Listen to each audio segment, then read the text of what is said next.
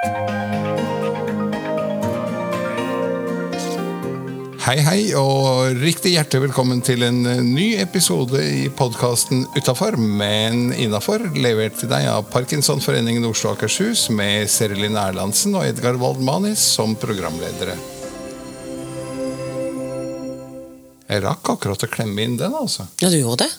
Utrolig. Hei, Hei, jeg heter Serelin. Hva heter du? Edgar. Hei, Edgar. Hei. Hvordan går det? Du, det går eh, bra, syns jeg. Ja. Hvorfor det? Ja, livet går fremover. For I uh, høy hast. For en uke siden så overtok vi nøklene til en uh, hytte vi skal leie på åremål i Bærumsmarka. Oi! Hvordan kom du over det skupet? Eller var det skup, eller var det et ran? Eh, nei, så langt så har det vel vært eh, et skup for begge parter. Vi har fått en fin eh, hytte, og eh, Carlotto, som han heter, tror jeg han heter, eh, har fått noen veldig fine leietakere. Ja. Er det sånn at eh, Kan jeg òg finne hytte i marka? Eh, Eller det, er det kjennskap og vennskap? Eh, Det er min kone som har organisert dette, her, sånn, så jeg må innrømme at det er litt tynn. Men dere kjenner jo hverandre, så dere kan jo snakke sammen. Jeg tenker at Nå må du ta litt tak hjemme der, og så følge litt med i timen. ja, men Så lenge hytta kom, og nøklene kom, og, og avtalen kom og Jeg dessuten fikk hjelp av min bestekamerat fra barneskolen, Erik. Eh, Ja, vi har holdt sammen siden eh, 18.8.1967, faktisk. Eh, Han kom med en svær trill, eh, tilhenger, og den fylte vi opp og kjørte ut. Og fra der hvor tilhengeren sto opp til hytta, er det da 250-300 meter i litt uh, lett myrlendt terreng. ja. Fuktig, tenker jeg. Ja, så jeg, jeg gikk ti turer frem og tilbake med diverse stæsj, og han gikk ni. Ja. Så God trim. det var veldig god trim. Og fremover så blir det da mer gå én tur og sitte i solveggen, tenker jeg. Og det kommer alltid til å være sol der, altså. Ja, ja, ja, ja, ja. Så det er bare å ta og ha med Kvikk Lunsj og appelsin. Ja, Yes, da er du beredt. da er jeg beredt. Du, skal vi si hei til ukens gjest? Det kan vi gjøre, vet du. Ja. Det er eh, rett og slett eh, Mona Rognlien Elgvin. Fikk du med deg det? Ja, jeg fikk det med meg, men jeg vil ikke spørre meg om jeg skal gjenta. Nei. Men vi tar en liten eh, trudelutt for Mona her.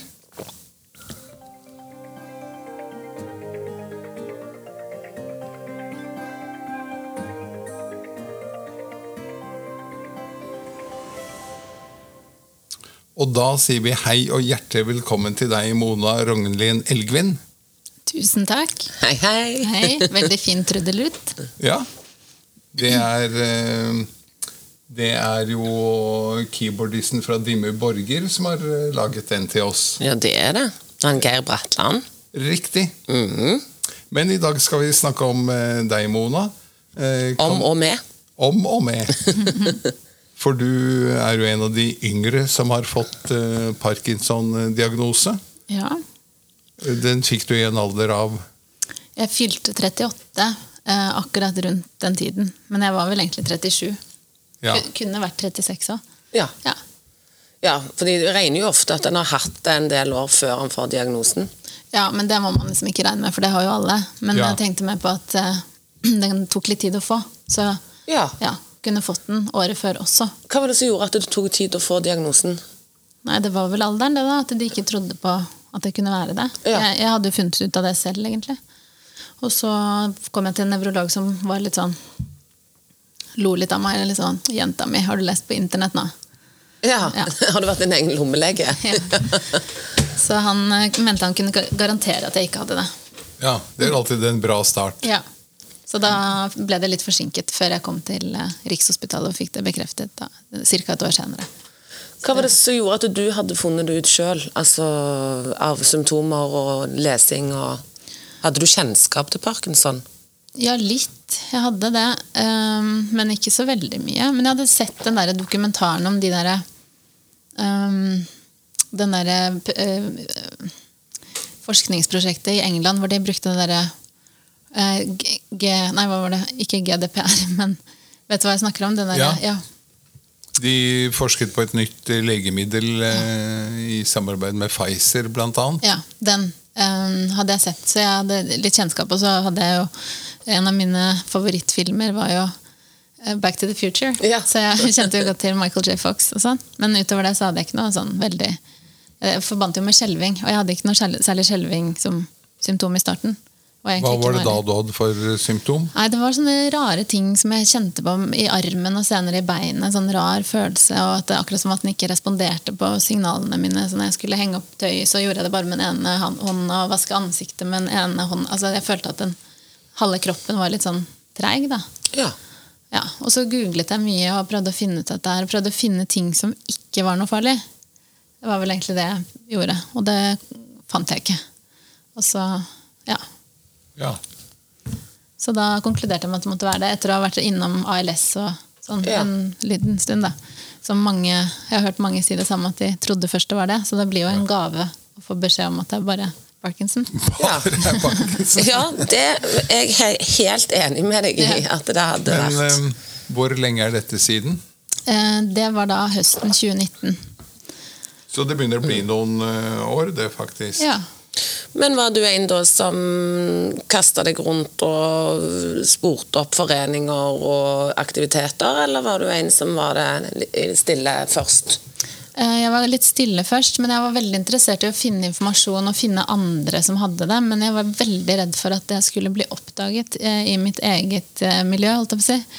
Ja. Så jeg holdt meg langt unna den norske Parkinson-foreningen og Facebook-grupper og sånne ting. Men jeg var på mange internasjonale eller amerikanske grupper på Facebook.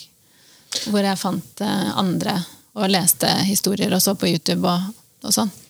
Hva var det som gjorde at du differensierte der? At du var redd for du, Først er du jo veldig flink og god på å bli din egen lommelege og finne ut Ja. av det. Og så velger du å i begynnelsen, vet ikke om du gjør det ennå, men å gjøre det litt Ikke vil bli oppdaga. Ja, nei, jeg var jo Jeg vet ikke. Det er jo litt sånn Det er jo en big deal. Jeg visste ikke helt hva jeg Om jeg ville at folk skulle vite det. Og,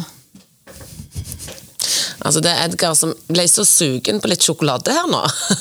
det. Det var ingen som hørte det kneppet. Nei. Men de kommer til å høre tyggingen din. Eh, Nei da. ja, sorry. ja, nei, så jeg var, eh, var vel litt sånn i starten at jeg var litt usikker på om dette var noe jeg ville dele med verden. Sånn, Og så var jeg midt i en rekrutteringsprosess også, så jeg var litt eh, um, Ja, det var litt sånn rar eh, Ja. tid. Så, men, eh, men nå er jeg åpen om det. Og jeg kom på en måte ut av skapet eh, ca. et år senere. Og kunne gjerne gjort det tidligere, egentlig. Men det er jo vanlig at man holder det litt tett i starten før man vet helt hva det innebærer. Da. Ja, absolutt. Og det tenker jeg at det, det er lov. Ja. ja. Og så har du sågar blitt med i styret i YOPD-gruppen i Oslo og Akershus. Ja, det har jeg. Og jeg, det har jeg litt dårlig samvittighet for akkurat nå. For jeg er ikke den som bidrar mest. eh, Men sånn er det vel med sånne ting. Det går jo litt eh, i bølger og daler for Ja. eh, alle tillitsvalgte, ja. Ja, Men det er veldig fint å få være med på det. Det er jo mange Det er jo mer vanlig enn man skulle tro å få Ja. det i ung alder. Det er jo mange bare i Oslo som jeg har blitt kjent med på min egen alder. Både gutter og jenter. Så så uvanlig er det ikke sånn som han første nevrologen sa. At det, det nesten ikke gikk an. Nei. Vi, hvis jeg husker tallene rett i hodet, så er det bortimot 10 faktisk av medlemsmassen i Oslo og Akershus Ja. som er under 55 år. YOPD er jo egentlig en betegnelse på dem som får diagnosen før fylte 55, men ettersom vi ikke registrerer eh, diagnosedato i medlemsregisteret, eh, bare fødselsår, så, så har vi jo gjort en avgjørelse at eh, alle som er under 55 kan Og for den saks skyld så står det ingen i døra og sjekker legg heller på deres arrangement. Nei, det er, vi er veldig opptatt av at det skal være det, man, man kan føle selv om man er i målgruppen eller ikke. Ja. litt sånn hvis du trives med Men de 55 med er liksom en rettesnor, litt Ja. sånn ja. Ja. Hvordan syns du det går med gruppa? Jo, vi har hatt noen uh, veldig fine treff, og det kommer stadig noen nye inn der som ikke har vært med på noen ting før. Som kanskje har fått det vanlige bladet i postkassen sin og, og informasjon om andre treff som ikke helt som de ikke føler seg helt i målgruppen for. da, Med seniorsenter og eller menighetshus og eh, Ja. hva heter det? Karbonadesmørbrød. Så vi har hatt en litt annen, annen stil på det. da. Og det har eh, vært veldig hyggelig. Mange som har vært med og Vi planlegger flere ting. Så flott. Gøy. Ja. Så flott. Bra. Du, bakgrunn og utdannelse og jobb og ting? Ja, um, utdannelse har jeg ikke så mye å skryte av, egentlig. Jeg var uh, ikke sånn kjempeglad i å være på skolen, så jeg har faktisk egentlig ikke fullført videregående skole engang, sånn ordentlig, men nesten, da. Men jeg begynte å jobbe veldig tidlig, så det ble min utdannelse. Så jeg, Det, kan være, det er den beste, det. ja, den har vært bra nok for meg. Ja. Du var i rekrutteringsprosess. Hvor ble du rekruttert til? Ja, eh, etter noen år i sånn ulike administrative eh, jobber eh, i forskjellige private selskaper, sånn mye IT-selskaper og sånn, så hadde jeg på en måte peilet meg inn på min nisje som var eh, lederassistent, eller executive assistant, personlig assistent, eh, ja. Eh, hvor jeg jobbet for ofte eh, sjefene i disse selskapene som ja, deres høyre hånd, eller hva du vil. Um, og jeg jobbet i Evry um, på Fornebu, og så ble jeg ringt opp av en rekrutterer som ville som lette etter en assistent til en, en leder, men jeg fikk ikke vite verken hvem det var, eller hvor det var, eller hvilken bransje det var, eller noen ting. Så da um, ble jeg nysgjerrig nok til å komme og høre mer, og det var da uh, Petter Stordalen som trengte ny assistent. Og det var den prosessen jeg var i uh, da jeg også var uh, under utredning. Da. Og så fikk jeg den jobben. Og da hadde jeg ikke fått diagnosen ennå, men den fikk jeg like etterpå. da. Så du fikk både jobb og diagnose på en gang? Det er riktig. ja. Det er ikke verst, det. Nei, det var jo, det, det var jo på en måte en fin ting, da. For at det, det, det er liksom noe av det kuleste som hadde skjedd så langt i livet mitt. Det skjedde samtidig som noe av det kjipeste, og da kunne jeg jo ikke gå helt i kjelleren. Ja. Da var jeg jo egentlig bare mest glad. Så da tenkte jeg da får jeg bare fokusere på den jobben, og ikke diagnosen. For, jeg, for meg som da er litt grønn innen din, din bransje, hva er det du Kan du liksom nevne eksempler på ting du gjør i jobb? Hva gjør du som assistenten til Petter Stordalen? Ja, sånn generelt i den eh, jobben så dreier det seg jo om å gjøre livet lettere for den du jobber for. Og det kan innebære veldig mange forskjellige ting. Så jeg har jo gjort mye forskjellig. I noen av jobbene mine så kan det være å sitte og skrive mange tunge møtereferat fra styremøter og styringsgrupper og sånne type ting. Og så kan det være mye mer sånne private ting som å eh, sørge for at eh, du får bytta til vinterdekk, eller eh, ja, og hente kaffe og lunsj og passe på den det gjelder. Da. Så for Petter så jobber jeg ganske mye mer privat enn jeg har gjort for mange av de andre. Så han har jo et veldig hektisk liv, så det er jeg som har posten hans. Jeg leser e-posten hans, men det er viktig å presisere at han leser den også selv. Ja. Så, men jeg plukker opp det som han ikke har mulighet til å svare på. Leser han den på skjerm, eller er han en av de sjefene som får skrevet ut alle e-poster i en bunke? Det er veldig morsomt at du spør, Edgar, fordi han er veldig glad i papir. Men heldigvis så slipper jeg å skrive ut eh, mailene. De klarer han å lese på skjerm. Men han er veldig glad i å få kalenderen sin printet ut på papir. Og det har jo ofte ført til at vi får problemer, for den endrer seg jo. Så du kan jo ikke stole på en papirkalender. Men, eh, men han har den jo også i eh, skjermen sin. Men han liker veldig godt eh, papir. Han gjør det. Ja. Da er det meg og han. Jeg òg har min gode, gamle filofax ennå. Ja. Jeg prøver av og til å, å lage en sånn møteinnkalling til Serilin i, i mailkalenderen.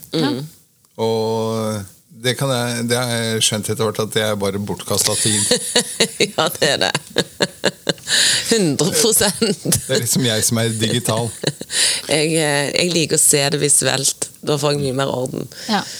Eh, Men du, du har jo da Det må, høres jo veldig gøy og spennende At det er veldig variert og litt sånn Ja. hyggelig å være på jobb. Det er veldig hyggelig for det meste. Det er jo et veldig hyggelig selskap å jobbe i. Og det er jo et sted hvor jeg ganske raskt følte at her er jeg velkommen, selv om jeg har fått parkinson. Hvordan var det å gi beskjed? Um, det var litt skummelt, for jeg tenkte at her må jeg Dette må jeg si fra om med en gang. Um, og jeg kjente jo ikke Petter så godt, og han er jo veldig opptatt. Um, så jeg måtte jo prøve å få han på tomannshånd og, og liksom break the news. Og jeg visste jo ikke helt hvordan jeg skulle gjøre det, men jeg følte veldig på at jeg måtte si det med en gang. Og så følte jeg også på at jeg ville si det bare til han, og ikke til alle de andre. For jeg ville ikke være hun nye på kontoret som det var noe gærent med, så da skulle alle liksom prøve å finne ut om de kunne se det. Ja, ja jeg syns hun går litt rart, eller hun skjelver. For dette var jo tidlig, og så hadde jeg jo da fått startet på medisin. Jeg, man kunne ikke se det på meg noe særlig. Jeg følte veldig virkning av medisinen i starten, så jeg synes ikke, det var ikke egentlig nødvendig å si det til noen. Eh, Men jeg ville si det til han, da. Så jeg satte, satte meg ned og sa at jeg hadde noe jeg måtte si som jeg syntes var litt vanskelig. Og så tror jeg Det minnet meg veldig om den gangen jeg måtte si til en annen sjef at jeg var gravid. Den, det blikket jeg fikk, liksom sånn Hva er det som kommer nå? Ja. Um, og så uh, sa jeg det, og så så han lenge på meg og spurte om hvordan jeg merket det, og, sånn, og så fortalte jeg at det var mest nå så var det den ene armen som jeg følte var litt treig, og sånne ting. Og så sa han sånn Ja, men eh, klarer du å skrive på tastatur? Ja, sa jeg, men noen ganger så er det vanskelig. Sånn, ja, ja, men da kan du jo bare få sånn taleopptaker. Jeg trenger bare huet ditt, jeg. Ja. Så, ja. Og så så var vi ferdig med det, egentlig. Men, eh, men det han kanskje ikke har skjønt, er jo at det er huet mitt er noe gærent med. Men jeg velger å ikke fokusere så mye på det. Ja. Men eh, er det nå åpent i choice-systemet at eh, ja, det, er, det heter ikke Choice lenger, det, Edgar, det heter Strawberry nå. Ja, det gjør visst det. Jeg tror jeg har fått eh, en god håndfull e-poster om det, forresten. Ja. Men jeg Nei, tenkte det at er lytterne der ute vet ikke hva strawberry er. De vet hva choice er. Ja, ja. Men ja. dette kommer. Ja, det kommer de til å vite. Jeg tror det er mange som vet det òg. Du skal ikke undervurdere lytterne dine. Neida, Men Enig. eh, det er åpent fordi at jeg fikk jo etter hvert ganske mange gode venner eh, på den nye jobben min, som man da ofte blir venner med på Facebook. Og jeg valgte jo da ca. et år etter diagnosen å gå ut der for å prøve å nå flest mulig samtidig. da. Så da laget jeg en tekst um, med et eh, bilde av meg selv hvor jeg smiler bredt med et sånn trenings... eh, sånn der kettlebell i hånda. Og så mm, skrev jeg en tekst og forklarte om denne diagnosen. Og så hadde la jeg på en sånn der fundraiser hvor jeg kunne samle inn penger til en, en Ja. av disse. Jeg valgte den som het eh, jeg tror The Cure Parkinson Trust i England. Akkurat. Og da fikk jeg samlet inn en ganske god slump med penger til dem. Så det var jo stas. Veldig hyggelig. Ja. Ja. Veldig flott. Eh, En god måte å komme ut på sånn til inspirasjon til andre. Ja, og da fikk Ja. jeg jo en sånn overveldende mengde med kjærlighet Ja. og støtte. Og det, var jo, og det er jo da du tenker at oi, dette kunne jeg jo gjort med en gang. ja. Ja. Men, ehm, og da var det jo mange av mine kollegaer også som fikk vite det. Så det var jo liksom sånn. Så de fleste på jobben har fått med seg det nå. Ja. Ja. Så da røyk egentlig spørsmålet om hva er det bare et fåtall vet om deg? Ja, ikke sant? Det, det tenkte jeg mye på i går kveld. Eh, Hva er det? Og da tenkte jeg at eh, det er ikke så mange ting. Fordi jeg er veldig åpen. Jeg har ikke så mange hemmeligheter. Så det, de som, ja, det, er, det er ikke så mange ting få, fåtall vet om meg. Nei. Nei. Nei. Og hva skulle du gjort hvis du skulle gjort noe helt annet? For du sa at du hadde valgt din nisje som er PA. Ja, ehm, jeg har eh, Da jeg var yngre, så tror jeg så for meg at jeg skulle jobbe innenfor helse. ehm, I et eller annet slags omsorgsyrke. Og det er jo på en måte det jeg gjør. Jeg tar jo vare på noen som trenger hjelp. Litt sånn. Det er jo det, akkurat det du gjør. Ja, det er bare kanskje en litt annen ehm, Det bare en annen tittel. brukergruppe. han, er, han er en litt spesiell bruker. Ja. Han trenger absolutt hjelp. Ja. Og han får mye omsorg. Men eh, ja, jeg tror kanskje um, at jeg ville jobbe Jeg gikk, altså jeg valgte Eller jeg skal ikke si jeg valgte, jeg hadde på tredjevalget hvis det, er- Eller hvis man får fire valg, så hadde jeg sikkert på fjerdevalget helse og sosial på Ja. videregående. Det var det jeg kom inn på. det. Ja. Så um, hvor, hvor motivert jeg var for det, er jeg usikker på. Men, men jeg så vel for meg at jeg skulle jobbe innenfor det. Jeg har jobbet litt på gamlehjem og liksom Ja. Ja. Så, um, men nå så tenker jeg sånn Jeg har tenkt mye på og det høres sikkert veldig rart ut, men hvis jeg skulle valgt om igjen, så tror jeg kanskje jeg ville blitt elektriker eller rørlegger. Ja, gøy! Ja. Eller jordmor. Liker du å skru? Skulle jeg. Jeg liker å skru. Ja. Ja. Så det er digg å kunne hjelpe seg sjøl. Ja. For det en trenger skruhjelp. Ja. Eller trenger ikke hjelp. Jeg liker ikke å trenge hjelp. Så- Nei, sånn at da, jeg tenker Det er alltid ting vi trenger å skru, sånn at Ja. eh, da kunne gjøre det sjøl. Ja. ja. Fantastisk. Mm. Gøy. ja, det er ikke så lenge siden jeg installerte en ny oppvaskmaskin hjemme, for den gikk i stykker. Først så prøvde jeg å reparere den, og det klarte jeg litt, en liten stund, men den gikk i stykker igjen, så da måtte jeg ta den ut. Og det var ingenting som skjedde hjemme, så da, da gjorde jeg det selv. Ja, Og det, det var gøy. Jeg fikk det til. kult. Dette blir jo tatt opp morgenen etter at eh, etter at vi alle har deltatt i valget. Har vi alle deltatt i valget? Ja, Gud, har vi har ikke snakket om. Ja, selvfølgelig har jeg deltatt i valget. Ja. Um, jeg har ikke deltatt i valget. Var det det bevisst? skandale. Nei, det var absolutt ikke bevisst. Det er rett og slett at jeg, jeg fikk det ikke til. Ja, det er lov. Ja. Og så er det kommunevalg. kommunevalg. Ja. Sånn at det kan det, det er ikke det verste valget å gå Nei. Så det tenker jeg er Men var det godt valg for deg? Det var et veldig godt uh, valg, selv om jeg sto der sånn og undret meg. og Det som egentlig var broen her, så jeg prøvde å ha en sånn artig bro over til at eh, det er en eh, rørlegger i Oslo som eh, må gå tilbake til å være rørlegger igjen, hvis Ja. jeg har forstått det rett. Ja. Eller må han ikke det? Um, I hvert fall Jeg sto inne i denne båsen og så tenkte jeg alle dager, hvem er alle disse menneskene? Og hvem, altså disse forskjellige listene med, med pussige navn på listene. Og så tenker jeg at jøss, de har faktisk klart å samle 20 mann eller noe hver seg. Enda de i beste fall får inn én. Ja. Men eh, jeg har aldri sett så mye snodige. Nei. Men- jeg, jeg, jeg, ter- Men det ble et godt valg. reflekterte ikke så mye over det, for jeg synes det er hvert år er det like mange folk på de listene. Eller hvert, hvert valg så er det like mange. Antall mennesker på lister er akkurat likt. Så det forundrer jeg meg ikke så mye over. Nei. Litt mer tilbake til eh, oss selv, litt navlebeskuende. Hva tenker du er ut, hovedutfordringen for Parkinsonforbundet?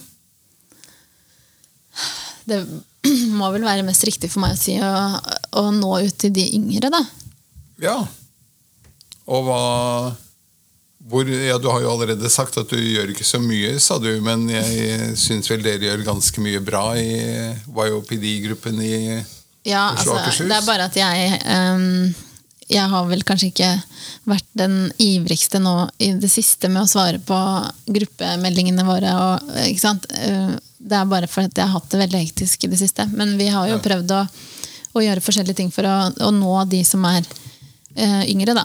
Um, for å lage vår egen gruppe som kan, hvor man kan føle seg hjemme selv om man ikke er gammel. For det er jo ikke en sykdom som bare rammer eldre, selv om det er liksom det den forbindes med. Og de bildene du får opp når du googler, og sånne ting er jo, det er jo litt skremmende å bare se sånne grå, gamle menn som er foroverbøyd med sånne Ja. Retta du det litt opp nå? Jeg er litt forberedt selv, jeg. Siden du traff han på grå gammel, så, så da retta han seg opp for ikke å få den tredje. Så i hvert fall ikke er- fremoverlent. Du er velkommen hos oss, du òg, altså.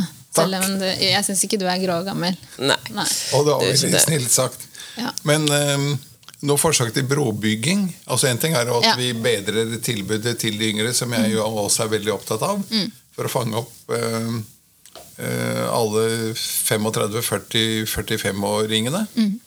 Uh, men noe forsøk til brobygging mellom oss på 63, er jeg, 65, uh, og oppover, og på den annen side de yngre.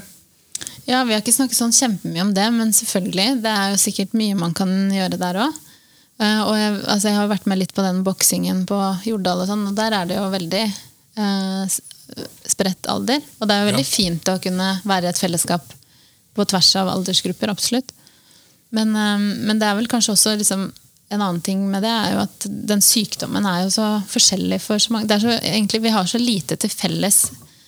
Eller, altså, det er så veldig mye forskjellig. Det rammer så Ulikt. ulikt. Så Ja. jeg syn- det er jo også sikkert en utfordring. Da, at alle medlemmene har veldig forskjellige problemer og behov. Det er vanskelig å liksom Generalisere og Ja. ja. Og kanskje om noen år så er det mange forskjellige foreninger, med at man har funnet ut at det egentlig ikke var en sykdom i det hele tatt.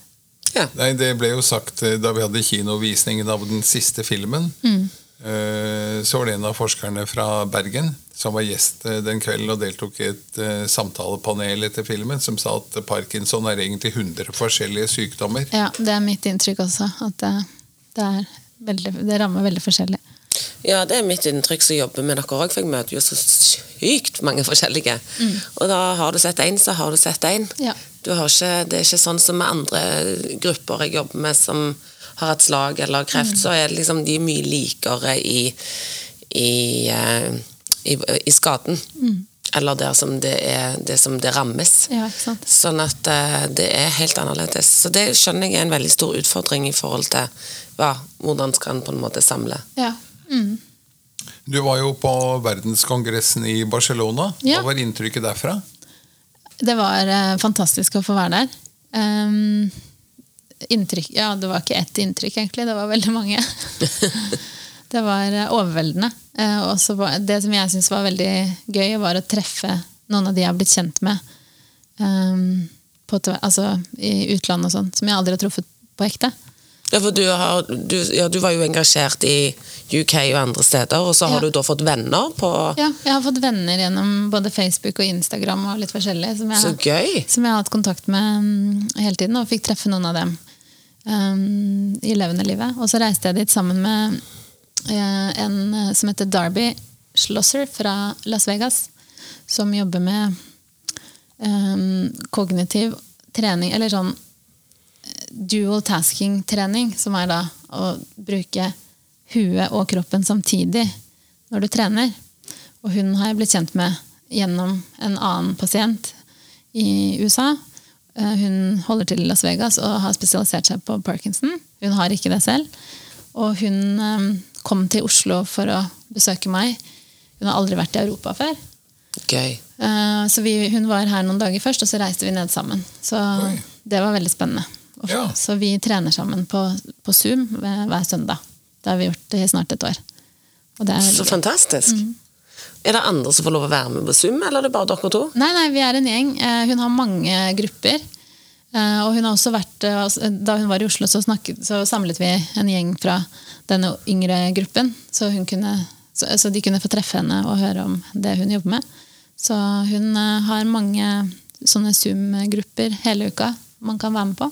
Og hvor går du inn da, hvis noen lytter nå og har lyst til å kaste seg med? Ja, det, den organisasjonen hennes heter The Motivation Foundation. Så hvis man går på motivationfoundation.org, så finner man henne der. Kan du komme med et eksempel på kognitiv trening? Altså, du bruker kroppen, og så hva gjør du med huet da samtidig? Ja, ehm, så hun fant ut at eh, hun skulle bruke hukommelse. Og ehm, prøvde seg først med sånne tallrekker som man skulle lære seg utenat. Og så eh, huske mens du gjør forskjellige bevegelser. Men så fant de fort ut at det var lurt å bruke et eh, verifiserbart tall. Så derfor så eh, begynte hun med eh, desimaler av pi. Altså dette som de fleste kjenner som 3,14, som jo egentlig er et mye lengre tall. Og så har vi nå som gruppe eh, lært oss ganske mange av disse tallene utenat.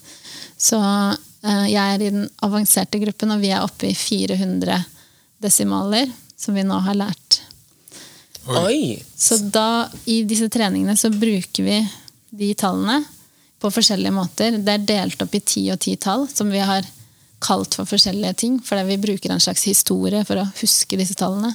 Så da kaller vi de, de ti og ti tallene for forskjellige liksom, scener i denne historien. Og da kan hun f.eks.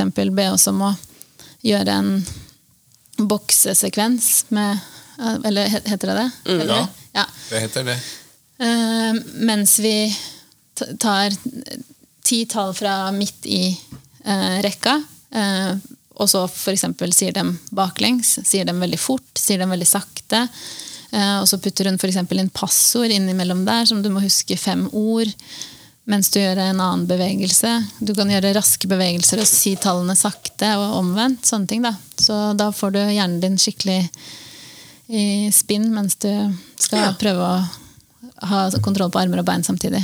Smart. Ja. Jeg ble helt svett på det tanken. Og jeg ble så inspirert, så nå vet i hvert fall den gruppen jeg har på torsdag, hva jeg skal lese meg opp på. Ja. Nei, det er utrolig fint. Disse Altså. fra 70 til 80.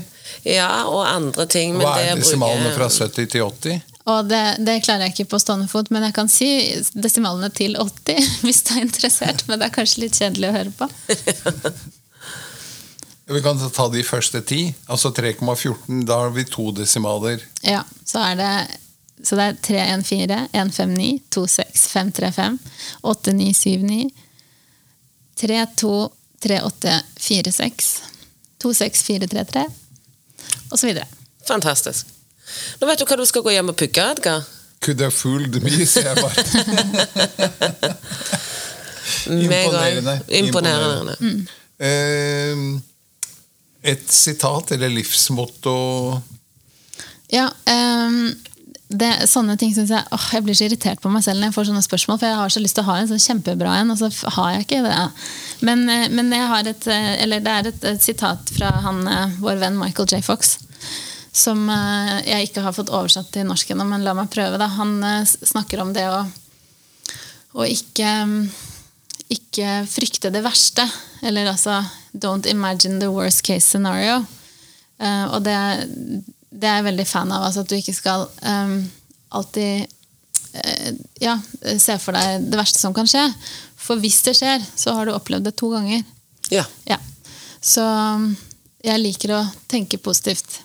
Ja, og så er jeg 100% enig med bra sagt at da har du opplevd det to ganger, men òg det at det det å frykte noe gjør et ubehag som gjør, er kanskje bortkasta, for dette trenger ikke skje. Nettopp. Sånn at eh, en bruker mye, for mye energi på noe som aldri sannsynligvis kommer til å skje. Ja.